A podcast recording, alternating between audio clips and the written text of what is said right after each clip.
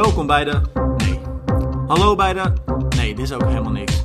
Goedendag. Nee Tim, dit is waardeloos. Zeg gewoon welkom bij de Triathlon Podcast. Let's go! Arjan, we zitten er weer, de vierde podcast. En we hebben eigenlijk gelijk goed nieuws, want uh, we hebben een nieuwe gast uh, in huis. Nou ja, in huis is ze niet en het is ook niet echt een gast, want ze werkt natuurlijk gewoon voor Triathlon. Romy, Romy, je zit erbij. Ja, hallo. Vanuit, waar zit je nu? Zuid-Afrika vanuit gewoon? Stellenbosch, ja, vanuit Stellenbosch in Zuid-Afrika. Ja, en je komt net thuis. uit Argentinië terug, geloof ik. Ja, klopt. We hebben daar een maandje gereisd. Man, man, man, Arjan, ik ben jaloers.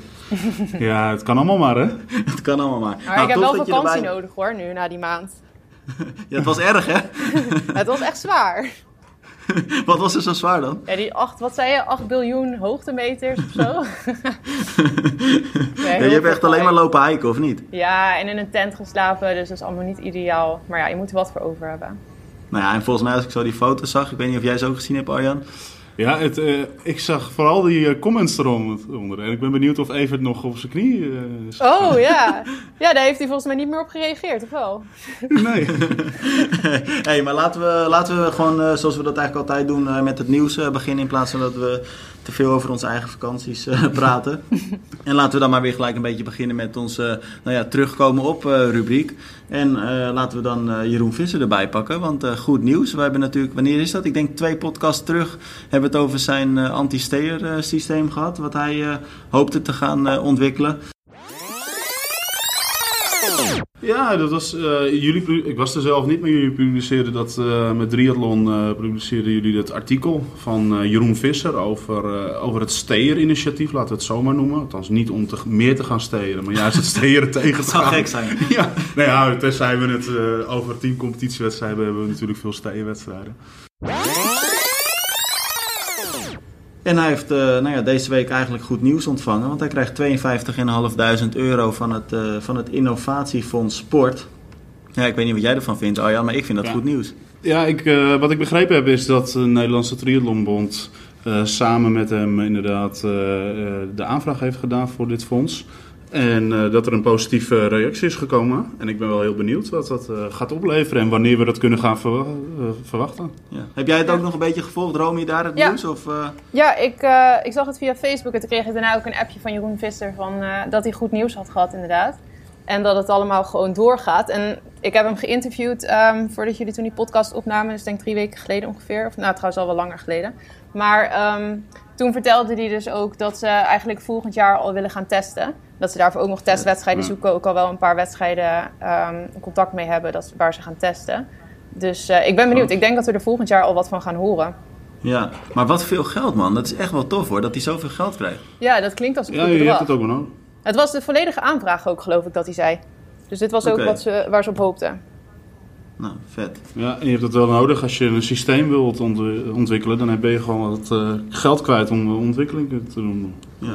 Nou, tof. We gaan het in ieder geval in de gaten houden. En uh, wat Romy al zegt, als hij inderdaad wedstrijden zoekt om dat te testen, dan hebben we tegen die tijd uh, ongetwijfeld ook nog contact met hem uh, hoe dat allemaal in zijn werk gaat. En dan, het is sowieso een goede ontwikkeling, denk ik. Zeker. Nou, hebben we dat ook weer gehad. Uh, nou ja, laten we dan maar eigenlijk met het echte nieuws van de... Tenminste, wat mij betreft het echte nieuws van de week beginnen. Uh, Challenge Daytona. Ja, hoe, was, hoe was dat, Tim? Ja, het was, het was wel echt vet hoor. Dat is, ik, denk, ik, ik ben er natuurlijk geweest met, met een aantal uh, gasten. En ik denk dat het een van de mooiste races is die ik ooit heb gezien. En niet alleen qua omgeving, want het is natuurlijk op, op, op de International Speedway daar. Dat is dus een NASCAR-baan. Dat is een rondje eigenlijk van 5 kilometer. Maar er kan dus 110.000 man aan publiek uh, kan daarin op de, op de tribunes. Dus het is echt enorm. Maar die race, en dan vooral bij de mannen, zelden zo spannend gezien. Ja, ja het was weer een uh, typische Sanders race bijna. Hè? Wat hij in uh, uh, Samarin heeft gedaan met uh, Kienle, deed hij nu met Pablo. Maar het mooie was, want, ze hebben, want het gaat dus inderdaad om Lionel Sanders, die uiteindelijk de wedstrijd heeft gewonnen. En dan uit Canada komt hij natuurlijk. En de Spanjaard Pablo González. En ehm, nou, je moet het zo zien, Lionel Sanders kwam eigenlijk met een grote achterstand van de fiets. Of uit het water bedoel ik. En op de fiets maakte hij die achterstand goed. En toen begonnen ze eigenlijk tegelijkertijd aan het lopen. En het was een beetje een, een aparte afstand. Uh, ze moesten 60 kilometer fietsen en dan 13 kilometer lopen.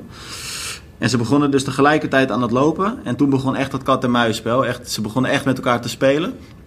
En in de interviews na afloop zei, eh, zei Lionel Sanders ook... Ja, die Pablo, ik kende hem eigenlijk nog niet. Maar ik, eh, ik weet nu eigenlijk pas hoe goed hij is. En, en ik, het is onbegrijpelijk dat ik hem nog niet kende. Maar wat Pablo dus deed, en dat is echt, ja, dat is echt wel grappig... Is, die begon dus tijdens het lopen, begon hij expres heel hard te hijgen en, en te doen alsof hij iets zwaar had. En op het moment dat Lionel daar dan een beetje naar keek, begon hij dus te sprinten. Echt bizar. En Lionel zei, ik heb het nog nooit meegemaakt dit. Ja, dat soort dingen zijn zo mooi. Ik hou altijd heel erg van die verhalen als mensen dat soort dingen verzinnen, ja. Vet hè? Heb je dat filmpje gezien, Romy, daarvan? Van, van jouw interview bedoel je? Nee, het filmpje van uh, wat... Uh, Bob Babbitt. wat, nee, die andere. Uh, Talbot Cox. Talbot Cox heeft gemaakt. Die heeft dus natuurlijk die documentaire gemaakt. En dan, of een YouTube-video heeft hij daar afval gemaakt. En wat je dan ziet... Dan zie je ze dus naast elkaar rennen. Dan zie je dat, uh, dat Pablo een sprint trekt. Maar, en dan heb ik het ook echt over een, echt een volle sprint gewoon. En dan zie je Lionel Sanders naar de camera kijken van wat gebeurt hier. Dit is niet normaal. Ik kan me die Nou blik ja, helemaal voorstellen. Echt bizar. Maar wat ik dan Ja. ook bizar vind, is dat hij die race gewoon nog naar zich toe trekt, Arjan. Ja, het was weer een bizarre wedstrijd. Ik heb het eh, een beetje van de afstand lopen volgen. Natuurlijk eh, eh, via Facebook een gedeelte kunnen volgen. Maar eh, voornamelijk het filmpje van Talbot eh, gekeken. Maar man, man, man, man. Ja. Wat een wedstrijd. En ik moet zeggen, niet alleen Lionel, niet alleen Pablo. maar ook de dames, Paula Findlay eh, won daar ook een Canadese. Lucy Charles stond er aan de start. Die klopte ze. Op waarde ook echt. Ja, ook op het looponderdeel. En alle pro's die er aan de start stonden, die zeiden dit is de next big thing. Ja. En daar was ik wel van onder de indru- indruk, want het was echt gewoon een mooie wedstrijd. Ja. En wat, waar ik heel erg van onder de indruk was, eh, als objectieve kijker, toen ik de volgende dag inlogde op, op social media, het kwam bizar veel voorbij. Alle pro's hebben het gedeeld, Facebook, Instagram. Ik zag Ja. alleen maar Challenge Daytona. Ja, hij ging best wel viral. Ik zag hem ook veel voorbij komen. eh, Ik vond Ja. het ook heel mooi dat eh, interview van Bob Babbitt met, eh, met Sanders achteraf. Daarin zegt hij ook over dat stukje wat je net zegt, dat ze zo naast elkaar liepen en dat ze elkaar een beetje gek aan het maken waren. En dat Sanders ook even een gezicht trok van ik trek dit niet. Maar hij zegt ook in dat interview dat hij op een gegeven moment eh, dacht van ik kan dit niet aan, want iedere keer versnelde inderdaad eh Dapenna. En dat hij op een gegeven moment heeft bedacht van goh, als hij nog één keer versnelt, want iedere keer nadat hij versnelt, dan zakt hij weer even terug. Ik moet gewoon één keer moet ik het volhouden om net op dat moment dat hij terugzakt, dat ik hem toch doorzet. En dat is dan dus ook het moment geweest waar hij uiteindelijk de, ja, de titel eigenlijk door heeft gepakt. Doordat hij hem gewoon één keer door, doortrok. En dat Penna verloren achterliet. Ja, bizar hè. Wat dan wel jammer is, als je dan ziet hoe tof die race is, en je zegt het al, ook bij die vrouwen was het, eh, was het echt heel spannend. Maar dat die livestream niet helemaal meewerkte, dat was zonde. Het was echt... Ja, ik, eh, we hebben de reacties voorbij zien komen en ik was zelf ook echt dat ik dacht van wie zit daar eh, achter die camera? Ik heb het niet gezien, maar was het echt zo erg? Ja, het was echt ehm, alsof er een eh, windkrachtteam in iemands telefoon eh, Zonde, vasthield. ja. En dat was echt zonde, want als dit ook de livestream gewoon perfect was geweest, met die hele eh, scene under the lights, dus echt in het donker, want dat was wel echt wel vet, dat zwemmen dan nog net in het schemer en dan dat het donker werd.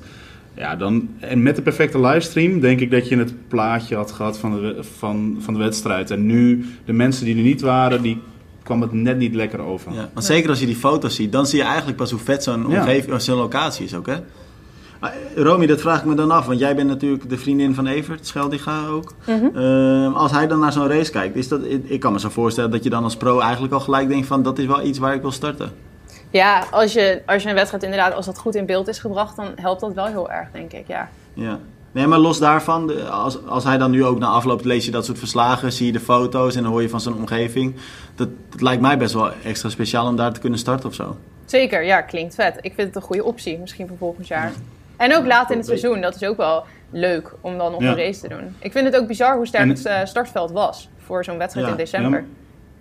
En zeker ook omdat het net een andere afstand is. is maakt het net even iets anders dan een gewone halve of een gewone hele. En dat blijkt dat. Ja, en natuurlijk gewoon die hele speedway. Dat was gewoon. Nou, weet je wat, echt- wat Lionel ook over die afstand zei? Ehm, die zei ook, het is eigenlijk, ehm, eh, dan moet ik het goed zeggen, hij zei het is te kort om, ehm, om helemaal dood te gaan. Eh, maar het is te lang om geen pijn te hebben. Ja. En hij zegt, je, kunt, je, je, je kan hier altijd all out gaan, maar je weet ook gewoon dat je helemaal kapot gaat. ja, en dat was wel vet. Want ik denk sommige uh, atleten, en dat is eigenlijk alle pro-atleten, die hadden de dag daarvoor natuurlijk die uh, vette format, het Pro-M-race. Daar hadden we vorige week, kwamen daar al even in de podcast op terug. Um, dat was een race, even uitleggen voor de luisteraars. De um, amateurs, de uh, pro-M, dus de pro en de amateurs. Amateurs konden bieden om in een team te komen met een bepaalde pro-atleet. Dus als je wilde dat uh, Lucy Charles bij jou ging zwemmen, dan kon je daar bieden. En dat ging dan uiteindelijk naar het goede doel, het geld. Dat ging naar uh, de Nas NASCAR Foundation. Ja, en die besteden het dan weer aan, uh, aan zieke kinderen, ja. aan de genezing daarvan. Ja, dus dat is enorm mooi. Alle pro's werkten daar ook aan mee. Dus de dag daarvoor was de Pro-M-race. En dan kon je dus bieden om met een pro te starten in een uh, trio-team. En dat was wel heel vet. Um, we hadden natuurlijk één pro, Andrew... Uh, Star Star Starkovic? Ja, Starky. Starky die uh, uh, de weddenschap had gedaan dat hij tot de eerste boei vlinderslag ging zwemmen. Nee, sterker nog Arjan, het was nog mooier eigenlijk, want ik stond daar natuurlijk. En we stonden daar bij die start. En het was dus zo dat de pro's die deden sowieso het zwemmen ja. dan. En de, en de recreanten die gingen dan fietsen en lopen. En, en nou ja, weet je, die pro's die maakten elkaar natuurlijk ook een beetje gek. En die gingen heus niet voluit omdat ze die avond dan die, die echte race hadden. Maar iedereen uh, zat dus te kijken vanaf de kant. En die recreant vond dat natuurlijk heel tof. Hè? Want nou ja, toch spannend of je dan een beetje als eerste mocht beginnen aan het fietsen. Nou, die, die pro's die starten en die, die Starkovic die, die begint ineens uh, uh, vlinderslag te zwemmen. Dus iedereen op de kant die zat een beetje te kijken van wat doet hij nou? Maar toen bleek dus, toen, dat vertelde hij uh, later, toen kwam hij een beetje gespeeld boos terug uit het water. En toen zei hij, ja, het bleek dus, ze hadden als, als pro's hadden ze allemaal, hadden ze afgesproken, en dat doen we allemaal, die, tot die eerste boei vlinderslag. En hij zegt, ik ben de enige Oh. die, die zich aan mijn woord heeft gehouden. maar hij bleef er gewoon nog bij, hè? Ja. Bizar. Ja, dat is knap. Maar wel ook een heel leuk, heel leuk format. En uh, zeker ook gekoppeld aan een goed doel, denk ik dat het echt gewoon ja. uh, ook weer de pro's veel meer in verbinding stelt met de amateurs. Dus het is niet alleen, oh daar heb je de pro's en hier heb je zeg maar, de agegroepers. Nee, het is echt een. Uh, volgens mij wat Challenge ook wil uitstralen, echt een family. En uh, dat, met zo'n Pro-M race laat je dat wel weer zien. En dat vond ik wel erg mooi om te zien. Ja, en wat ik ook heel erg mooi daaraan vond, is dat het ook wel het effect had uh, waarop gehoopt werd. Want ik stond dan ook bij de finish. en die pro's die dus het gezwommen hadden, maar die, die moesten dus ondertussen vier uur later, moesten ze eigenlijk de race doen die echt voor hun belangrijk is. Maar die stonden gewoon die recreanten op te wachten, gezamenlijk over de finish, gezamenlijk op de foto, handtekening hier, handtekening daar. Nou ja, volgens mij is dat wel tof. En als ik dan die reacties ook uh, onder, uh, onder het artikel van ons zag, vinden mensen ook wel dat dat naar Nederland moet komen. Wat vind jij daarvan, uh, Romy? Ja, lijkt mij zeker echt een heel leuk idee. Ik vind het ook wel heel tof dat, dat, dat het een keer gewoon daar anders werd gedaan. Sowieso um, met een andere starttijd, uh, finish in het donker. Ik denk dat dat ook al een andere sfeer geeft. En dat je dus ook ja. inderdaad op één dag dit zo combineert. Dat is wel ja. heel tof. Nou, tof. Weet je wat ook tof is? Nou? Je hebt ze plat. Ja, Zeker. geweldig. We hadden het vorige week al uh, erover dat we hoopten dat hij op het uh, podium zou mogen komen. Hij was er dan niet, hij was in uh, trainingskamp. Op trainingskamp is hij. Um, ja, want ja. hij is Paralympisch sport van het jaar geworden, hè? gisteravond. Ja. Of althans, als je dit hoort, eergisteravond. Ja. Uh, ja, hij werd uh, Paralympisch kampioen en dat klopte hij niet de minste uh, Paralympische sporters. Um, maar ja, weet je, als je dan ook hoort dat hij gewonnen heeft natuurlijk. Uh, wereldkampioen handbiken, wereldkampioen triathlon. Ja. ja, weet je, wat, wat heeft die man niet Hij gewonnen? wint altijd, ja. ja. Hij heeft ja. een heel goed seizoen gehad. Had je... Hoe belangrijk is dit voor de sport, Arjan? Denk je dat dat dan de, de, de sport uh, aan zich vooruit helpt? Is dat, is dat nog heel belangrijk of maakt het niet heel veel uit? Nou, ik denk dat het wel weer extra um, promotie geeft voor de sport. En uh, Jetsen is denk ik al een, uh, een promotie-uithangbord op zich. Um, en ja, dit kan alleen maar verder helpen de aankomende tijd. Uh, het is natuurlijk zonde, de, wat ik een beetje miste af gisteren, en dat is niet tegen Jetsen, maar eigenlijk bij alle sporters. En ik denk dat de NOS eens moet goed gaan evalueren wanneer ze dit gaan houden. Vijf van de zes sporters bij Sportman en Sportvrouw waren er niet. Jetsen was natuurlijk op trainingskamp. Ja, weet je, ja, uiteindelijk krijg je dan alleen maar videoboodschappen te zien. En dan denk je, ja, dat ja, is... dat zit echt in de maand dat iedereen in het buitenland zit, hè?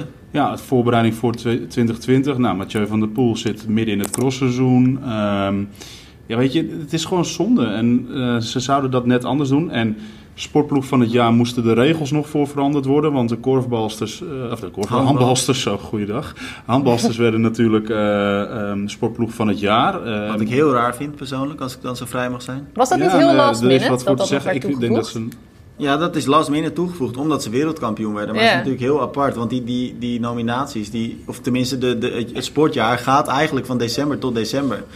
Dus Ja. ja, is dat dan helemaal eerlijk naar die andere ploegen Nee, toe? ja. Ja, ik zei, het, ik zei het al ergens op Facebook. Van, eh, en je moet maar afwachten. Ze hebben nu een geweldige prestatie geleverd. Maar je moet maar afwachten of ze volgend jaar worden genomineerd. Dus dan Olympische Spelen. Stel voor dat de beachvolleyballers, eh, eh, de volleyballers en nog andere teamsport goud winnen. En hun presteren net niks op de Olympische Spelen. Dan worden ze niet genomineerd. Dus wat dat betreft vind ik het mooi dat ze nu wel genomineerd zijn. Alleen dat dan. Ja, dat we gaan last minute de regels gaan veranderen. Ik denk gewoon dat je een ehm, zo'n sportverkiezing over een, van 1 januari tot 31 december moet doen. En dan gewoon zeggen, we dat doen we de tweede week van januari, bij wijze van spreken. En eh, dan kunnen we tot en met 31 december alle sportprestaties meenemen. Ja, ja. Ja, want het leek nu bijna... Romy? Ja, ik, het lijkt bijna alsof ze het even vergeten waren of zo, dat dat WK dan nog was. Alsof van de week iemand het nieuws checkte en dacht, oh, hé, hey, wacht eens. Ja, zou Ja, toch? nou ja, het is wel, ja, maar het, het, het klinkt inderdaad een beetje eh, grappig, maar het is op zich wel waar, ja. Het is echt best wel apart. Maar wat denk ja, maar ik denk dan vooral, als ik zeg maar een van die andere ploegen was, ik moet heel eerlijk zijn, omdat ik in het buitenland was, heb ik niet helemaal meegekregen wie uiteindelijk ook genomineerd waren daar als ploeg allemaal. Maar ik zou me dan ook een beetje gepiepeld voelen, want dan denk ik, ja, het, het Ja. valt gewoon helemaal niet binnen die termijn. Ja, en dit is ook gewoon Ja, de meest is- recente prestatie, dus dat, dat spreekt het meest aan nu. Dus dat overruled dan heel erg natuurlijk ook die andere, andere nominaties. Ja. Nou ja, hoe dan ook, voor Jets is het wel echt heel eh, erg tof. Maar ik ben het ook wel met jou eens dat de timing überhaupt niet heel erg handig is. Want ja, voor de sporter is het ook... Het, voor de kijker is het niet leuk. Voor de sporter is het niet leuk dat je er zelf dan niet eh, op het podium staat en eh, nou ja, alle eer op dat moment krijgt. En ook voor media is het minder leuk, want ja, je kunt hem eigenlijk dan niet interviewen. Wij kregen hem ook vandaag nog, nog niet te pakken. En dat is allemaal heel begrijpelijk, maar echt handig. Of, het maakt het niet leuker. eh. nou, hopelijk dat ze daar... eh, naar, misschien luistert de NOS mee. Ik verwacht denk het wel. Jij zegt, ik, ik heb natuurlijk een deel gemist, want ik zat in Amerika, eh, of eh, op de terugvlucht. Eh, wat ik gisteren wel merkte, gisteravond en vanmorgen, was dat iedereen wel zoiets had. Ja, het is leuk, maar dit moet wel anders. Dus Ja. ik hoop ja, dat dat gaat gebeuren. Alhoewel we dit geluid ook wel een aantal jaren horen. Dus in dat opzicht. Ja, er is altijd wat voor te zeggen. Ja. Ja. Nou, andere... Maar heel eventjes Tim, want we gingen, jij ging heel snel naar Jetse Plat. Maar ik wil eigenlijk nog even terug naar Daytona. Want weet je, wat heb jij met fietsen? Je hebt mijn wereldtijd gezien, of niet? Nou, ik bedoel meer van rood vorig jaar was het op een te kleine fiets. En dit jaar in Daytona, misschien moet je het even toelichten. Ja, nou, het was namelijk zo. Voor, ja, ik heb inderdaad vorig jaar rood, of nee, dat is dan twee jaar terug. Eh, rood op een te kleine fiets gedaan, omdat we eigenlijk last minute besloten daar eh, mee te doen. Dus toen heb ik een hele gedaan op een veel te kleine fiets. Eh, waarin ik niet, die was eigenlijk zo klein dat ik niet in het lichtstuur kon- liggen. Arjan die zit ondertussen keihard te lachen hier. en, nou ja, en nu was eigenlijk een beetje hetzelfde verhaal in Daytona. We besloten eigenlijk de dag voor de race dat het misschien wel leuk was om een teamrelay te doen. Dus de Three Together. Wie eh, Richard zwom. En dat is ook alweer een heel mooi verhaal. Die, het, was, het water was echt... Ondanks dat het buiten super mooi weer was en, en zonnig en warm, eh, was het water heel koud. Maar Richard die zwom in een eh, Hawaii short, eh, zwom die de, de kilometer. Of nee, eh, 1900 meter, sorry. Richard Belder ook, hè? Richard dus de, Belder ook, de race director van Challenge Almere. Ja, en, nou, en ik heb nog zelden zo iemand zo blij uit het water zien komen. Echt, hij heeft echt genoten. Maar toen stond mijn fiets dus klaar en we hadden dus ook geen fiets bij ons. Dus die hebben we die avond van tevoren snel moeten regelen. Maar dat was een maat XL. En ik ben, nou ja, voor de mensen die mij misschien niet kennen qua uiterlijk, ik ben eh 1,80 meter, iets groter. Maar in ieder geval, de fiets was dus veel te groot. En het allerergste was nog, ik had ook geen fietsschoenen bij me, dus ik heb normale pedalen erop moeten zetten. En het lichtstuur, dat zat blijkbaar niet vast eh, of goed gemonteerd. Waardoor die eigenlijk na drie kilometer al helemaal los zat en gedraaid. dus het waren zeg maar 90 lange kilometer. Maar je had het sowieso zwaar, Maar- of niet? Met de Nou, wind? In ik- dat interview daarna, nou toen ja, zei je dus nou ja, ja, ik heb het de laatste 20 kilometer, de, eerste 70 ging het echt heel erg goed. En toen had ik geloof ik een gemiddelde van iets van 37. Dus dat is voor mij echt wel hard. En zeker als je dan kijkt op wat voor fiets ik reed. En zonder pedalen dus. Maar de laatste 20 kilometer hadden eh, de laatste 35 kilometer hadden we alleen maar wind tegen. En de laatste 20 kilometer was ik echt, eh, echt aan het verzuren en had ik geen energie meer en ik, ik kon wel janken. Maar tegelijkertijd dacht ik ook, het is zo vet dat ik hier rij op zo'n highway. En weet je, je rijdt dan 12 van de 90 kilometer rijden op dat circuit. Dat is zo vet. Toen dacht ik, nou ja, wat, wat maakt het ook uit? Ik zit gewoon, ik, het is zo leuk dat ik hier ben. Is Ja. een en al genieten. En uiteindelijk heeft Christian de Jong, eh, heeft, heeft het lopen heeft hij ook nog, eh, nog eh, goed gedaan met een mooi tempo. En toen werden we als team toch nog tweede. Dus, eh, Nou, kijk. dus we mogen naar eh Samarin, hè? We hebben ons gekwalificeerd je dan wel met een goede voor de fiets? championship.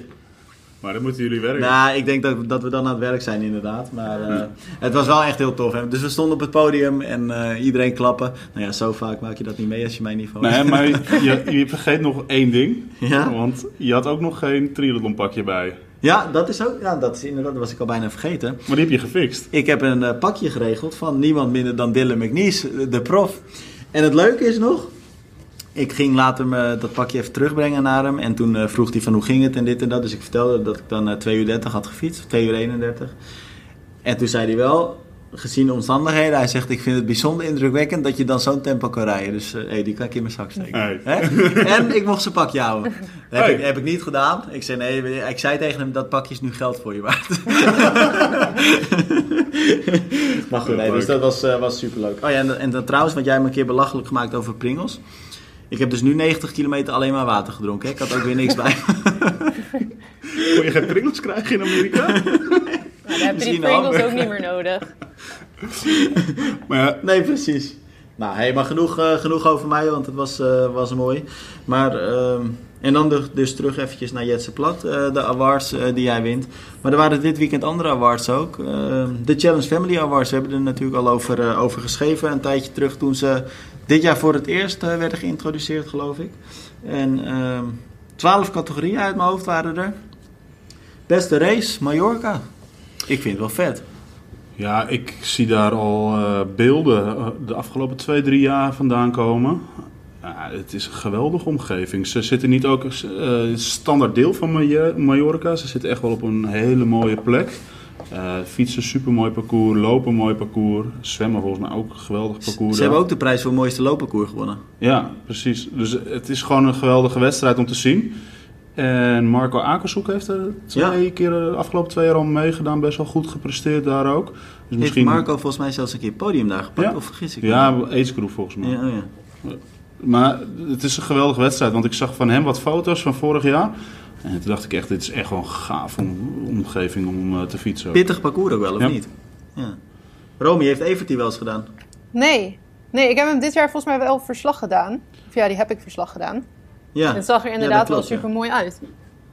Maar ik hoor inderdaad dat hij best wel pittig is wel met heel hoogtemeters.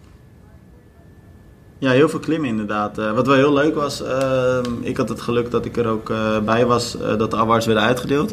En toen zat ehm, eh, de- degene die dus de prijs ontving, de race director eh, van Challenge Mallorca.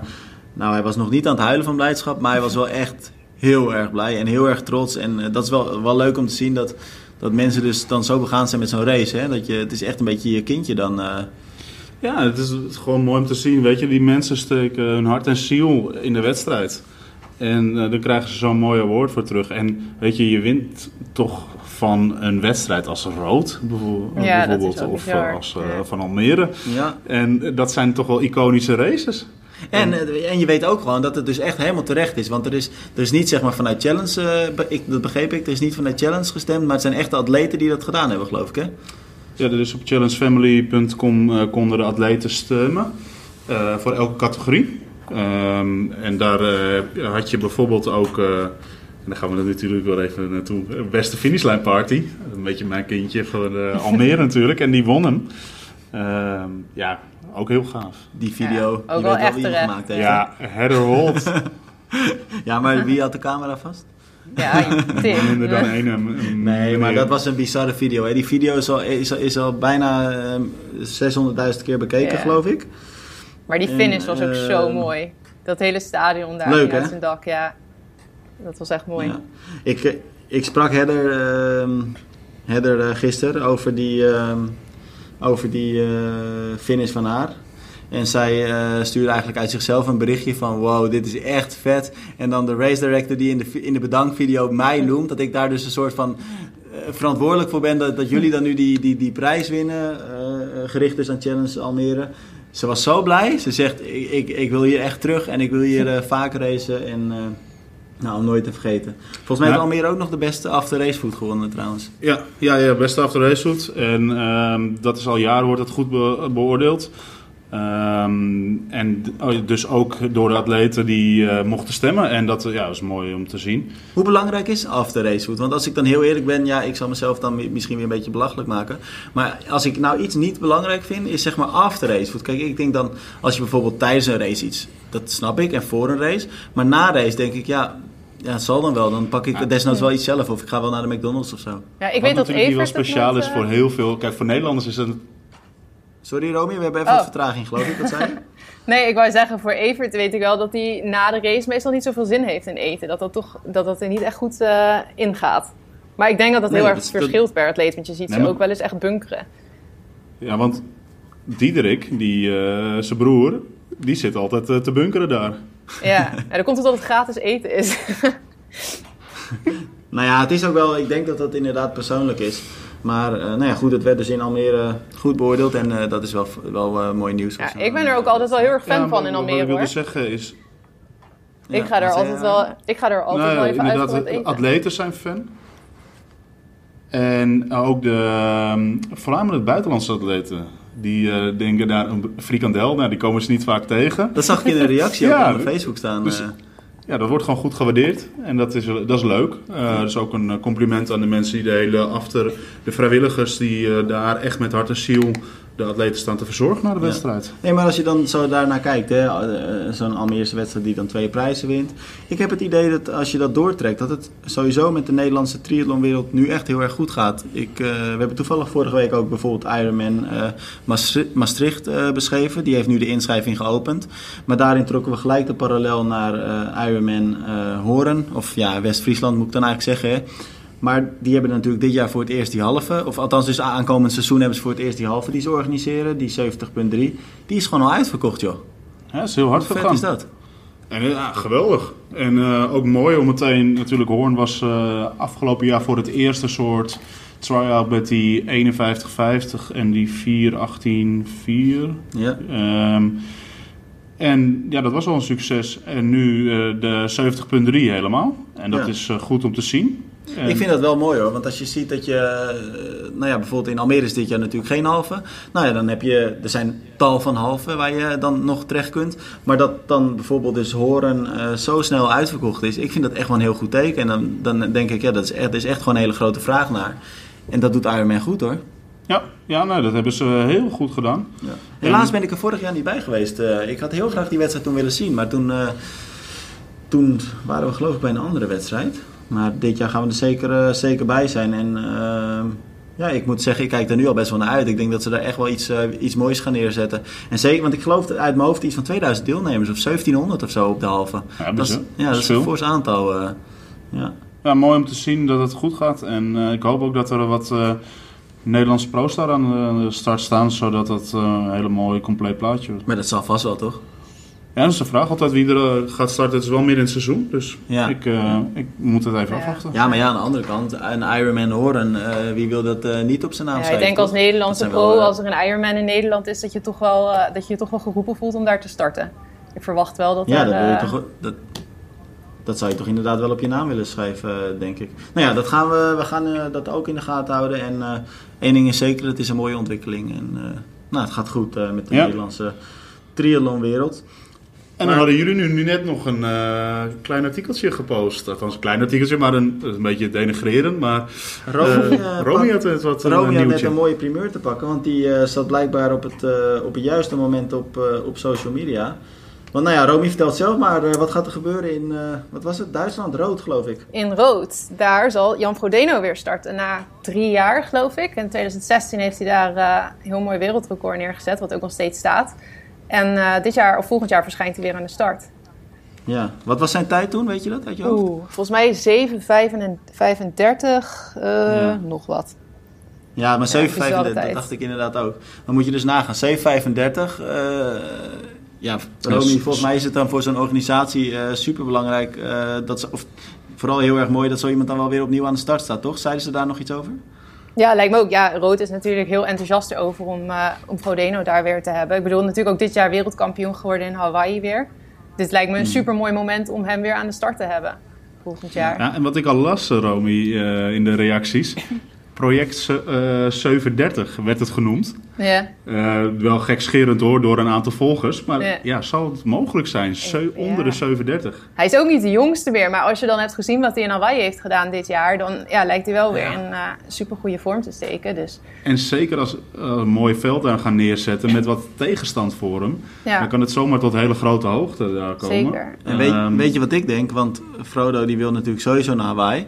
Uh, dat betekent nou ja, voor 95% zeker dat hij zich in Zuid-Afrika zal willen gaan kwalificeren, denk ik. Want als hij dat moet combineren met rood, zijn er ja. weinig wedstrijden. Nee, nee, die... hij, is, hij is gekwalificeerd als kampioen. Nee, Oh, ja, ja. maar hij moet nog wel finishen ergens. Hij moet wel ergens finishen, ja. Dus Oh, ik vermoed waar. dat dat Zuid-Afrika zal worden qua planning. En Ja. dan denk ik, en Frodo kennende, niet dat ik hem ken, maar eh, een beetje de voorspelling hoe ik dan denk dat hij is, denk ik ook niet dat hij dan rustig aan gaat doen. Hij wil dan echt wel een race winnen.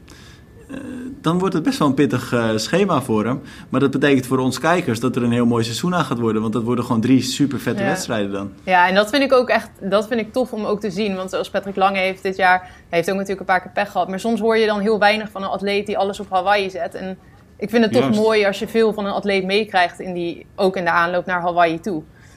Ja. We hadden het, eh, Romy, hier net over op kantoor, dat je bijvoorbeeld Rief weinig ziet gedurende het seizoen. Ja, dat is Ze waar. doet die, eh, die eh, wereldkampioenschappen 70.3 en Hawaii. En dan meestal kwalificeert, eh, eh, kwalificeert zich, zich ergens. Ja, En dan, dat, dat is het. ja Alp de West deze ook dit jaar. Ja. Maar dat is inderdaad, ik kan me verder ook niet echt wat bedenken wat ze heeft gedaan. Maar Ja, ik zag net op de social media van eh, Challenge Road dat er morgen geloof ik nog een grote aankondiging komt. Nou ja, dan kan ik me zo voorstellen dat dat iets met een vrouwenveld te maken heeft. Wie Ja. weet is het Rief. Eh, ik heb geen idee, maar wie weet ook niet. Maar het zou me, zo, het zou me niet verbazen. Ja, en aan de andere kant misschien eh, gaan ze wel een heel sterk mannenveld neerzetten. Ja, dat, kan ook, ja, dat zou ook nog kunnen inderdaad. Ja, Want weet je, het zou, hoe mooi zou het zijn als je de hele Duitse top daar hebt staan. ja. Dan, dan heb je het al Hoe, over valt, Kiel. eh, eh, hoe valt rood ten opzichte van Frankfurt en eh, ja, Frankfurt? Weet je, het is rond hetzelfde zit- moment, hè? Ja, dat is volgens mij Een week. gewoon weer een Het is altijd tussen, of ja. Frankfurt of rood eigenlijk, geloof ik. Maar dat worden dus onherroepelijk twee hele gave wedstrijden in, in twee weken weer. Dus dat, dit is voor de kijker is dit alleen maar smullen.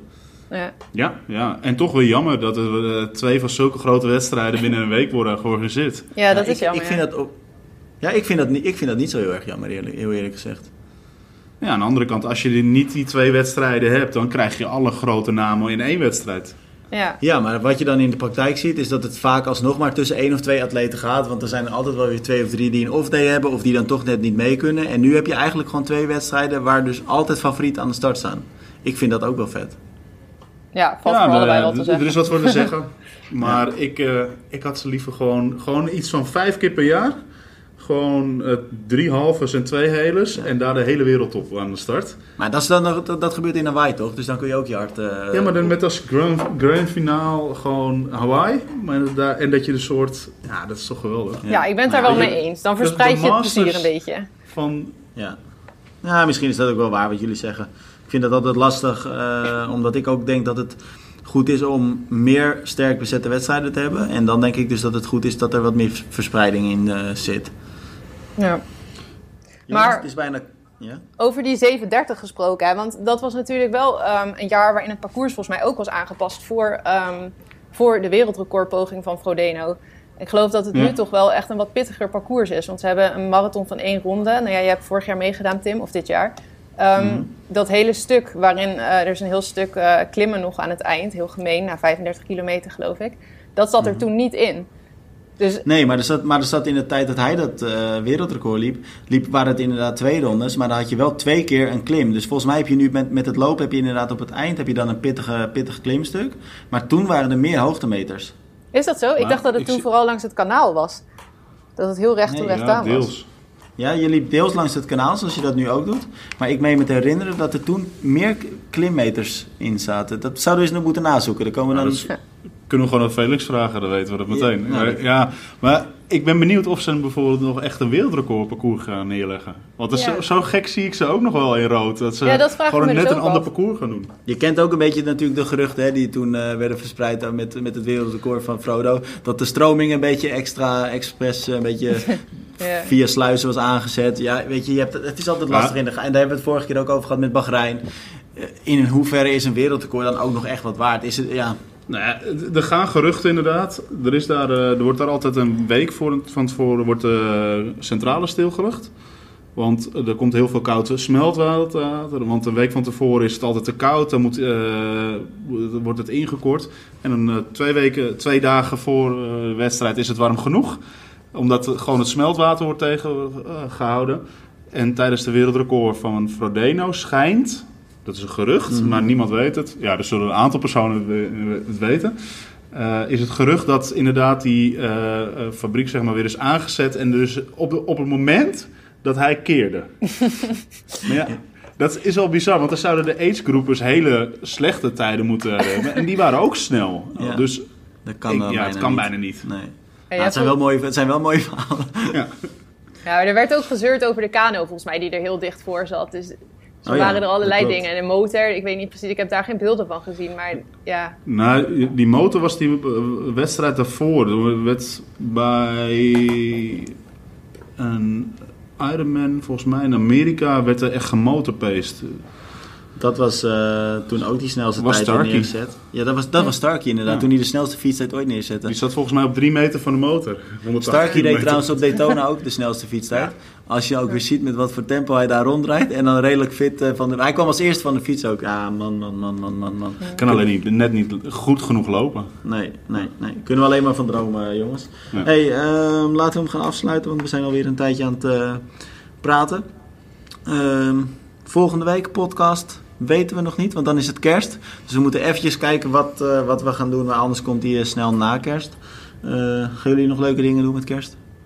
eten. Arjan? Eh, ja, eten. ja, ze moet natuurlijk wel wat aanvullen naar al die biljoen hoogtemeters in Argentinië. Ben je alweer op temperatuur gekomen, Romy? Temperatuur wel, maar ik heb nog niet op slaap. Nou, ik moet zeggen, ik zit ook aardig in met jetlag. Ik kom echt net, eh, nu dus net uit het, eh, uit het vliegtuig. En ik heb daar weinig geslapen. En ik moet zaterdag eh, 300 kilometer op Zwift. Eh, dus Oh. als Tim wat warrig geklonken heeft dan, dan weet je dat het komt. Jongens, mochten we geen eh, nieuwe podcast meer maken, dan, eh, althans voor kerst, dan wens ik jullie hele fijne dagen. En dan eh, zijn we snel weer eh, bij de luisteraars terug, toch? Yes! Zeker. Romy, tot later. Arjan, later.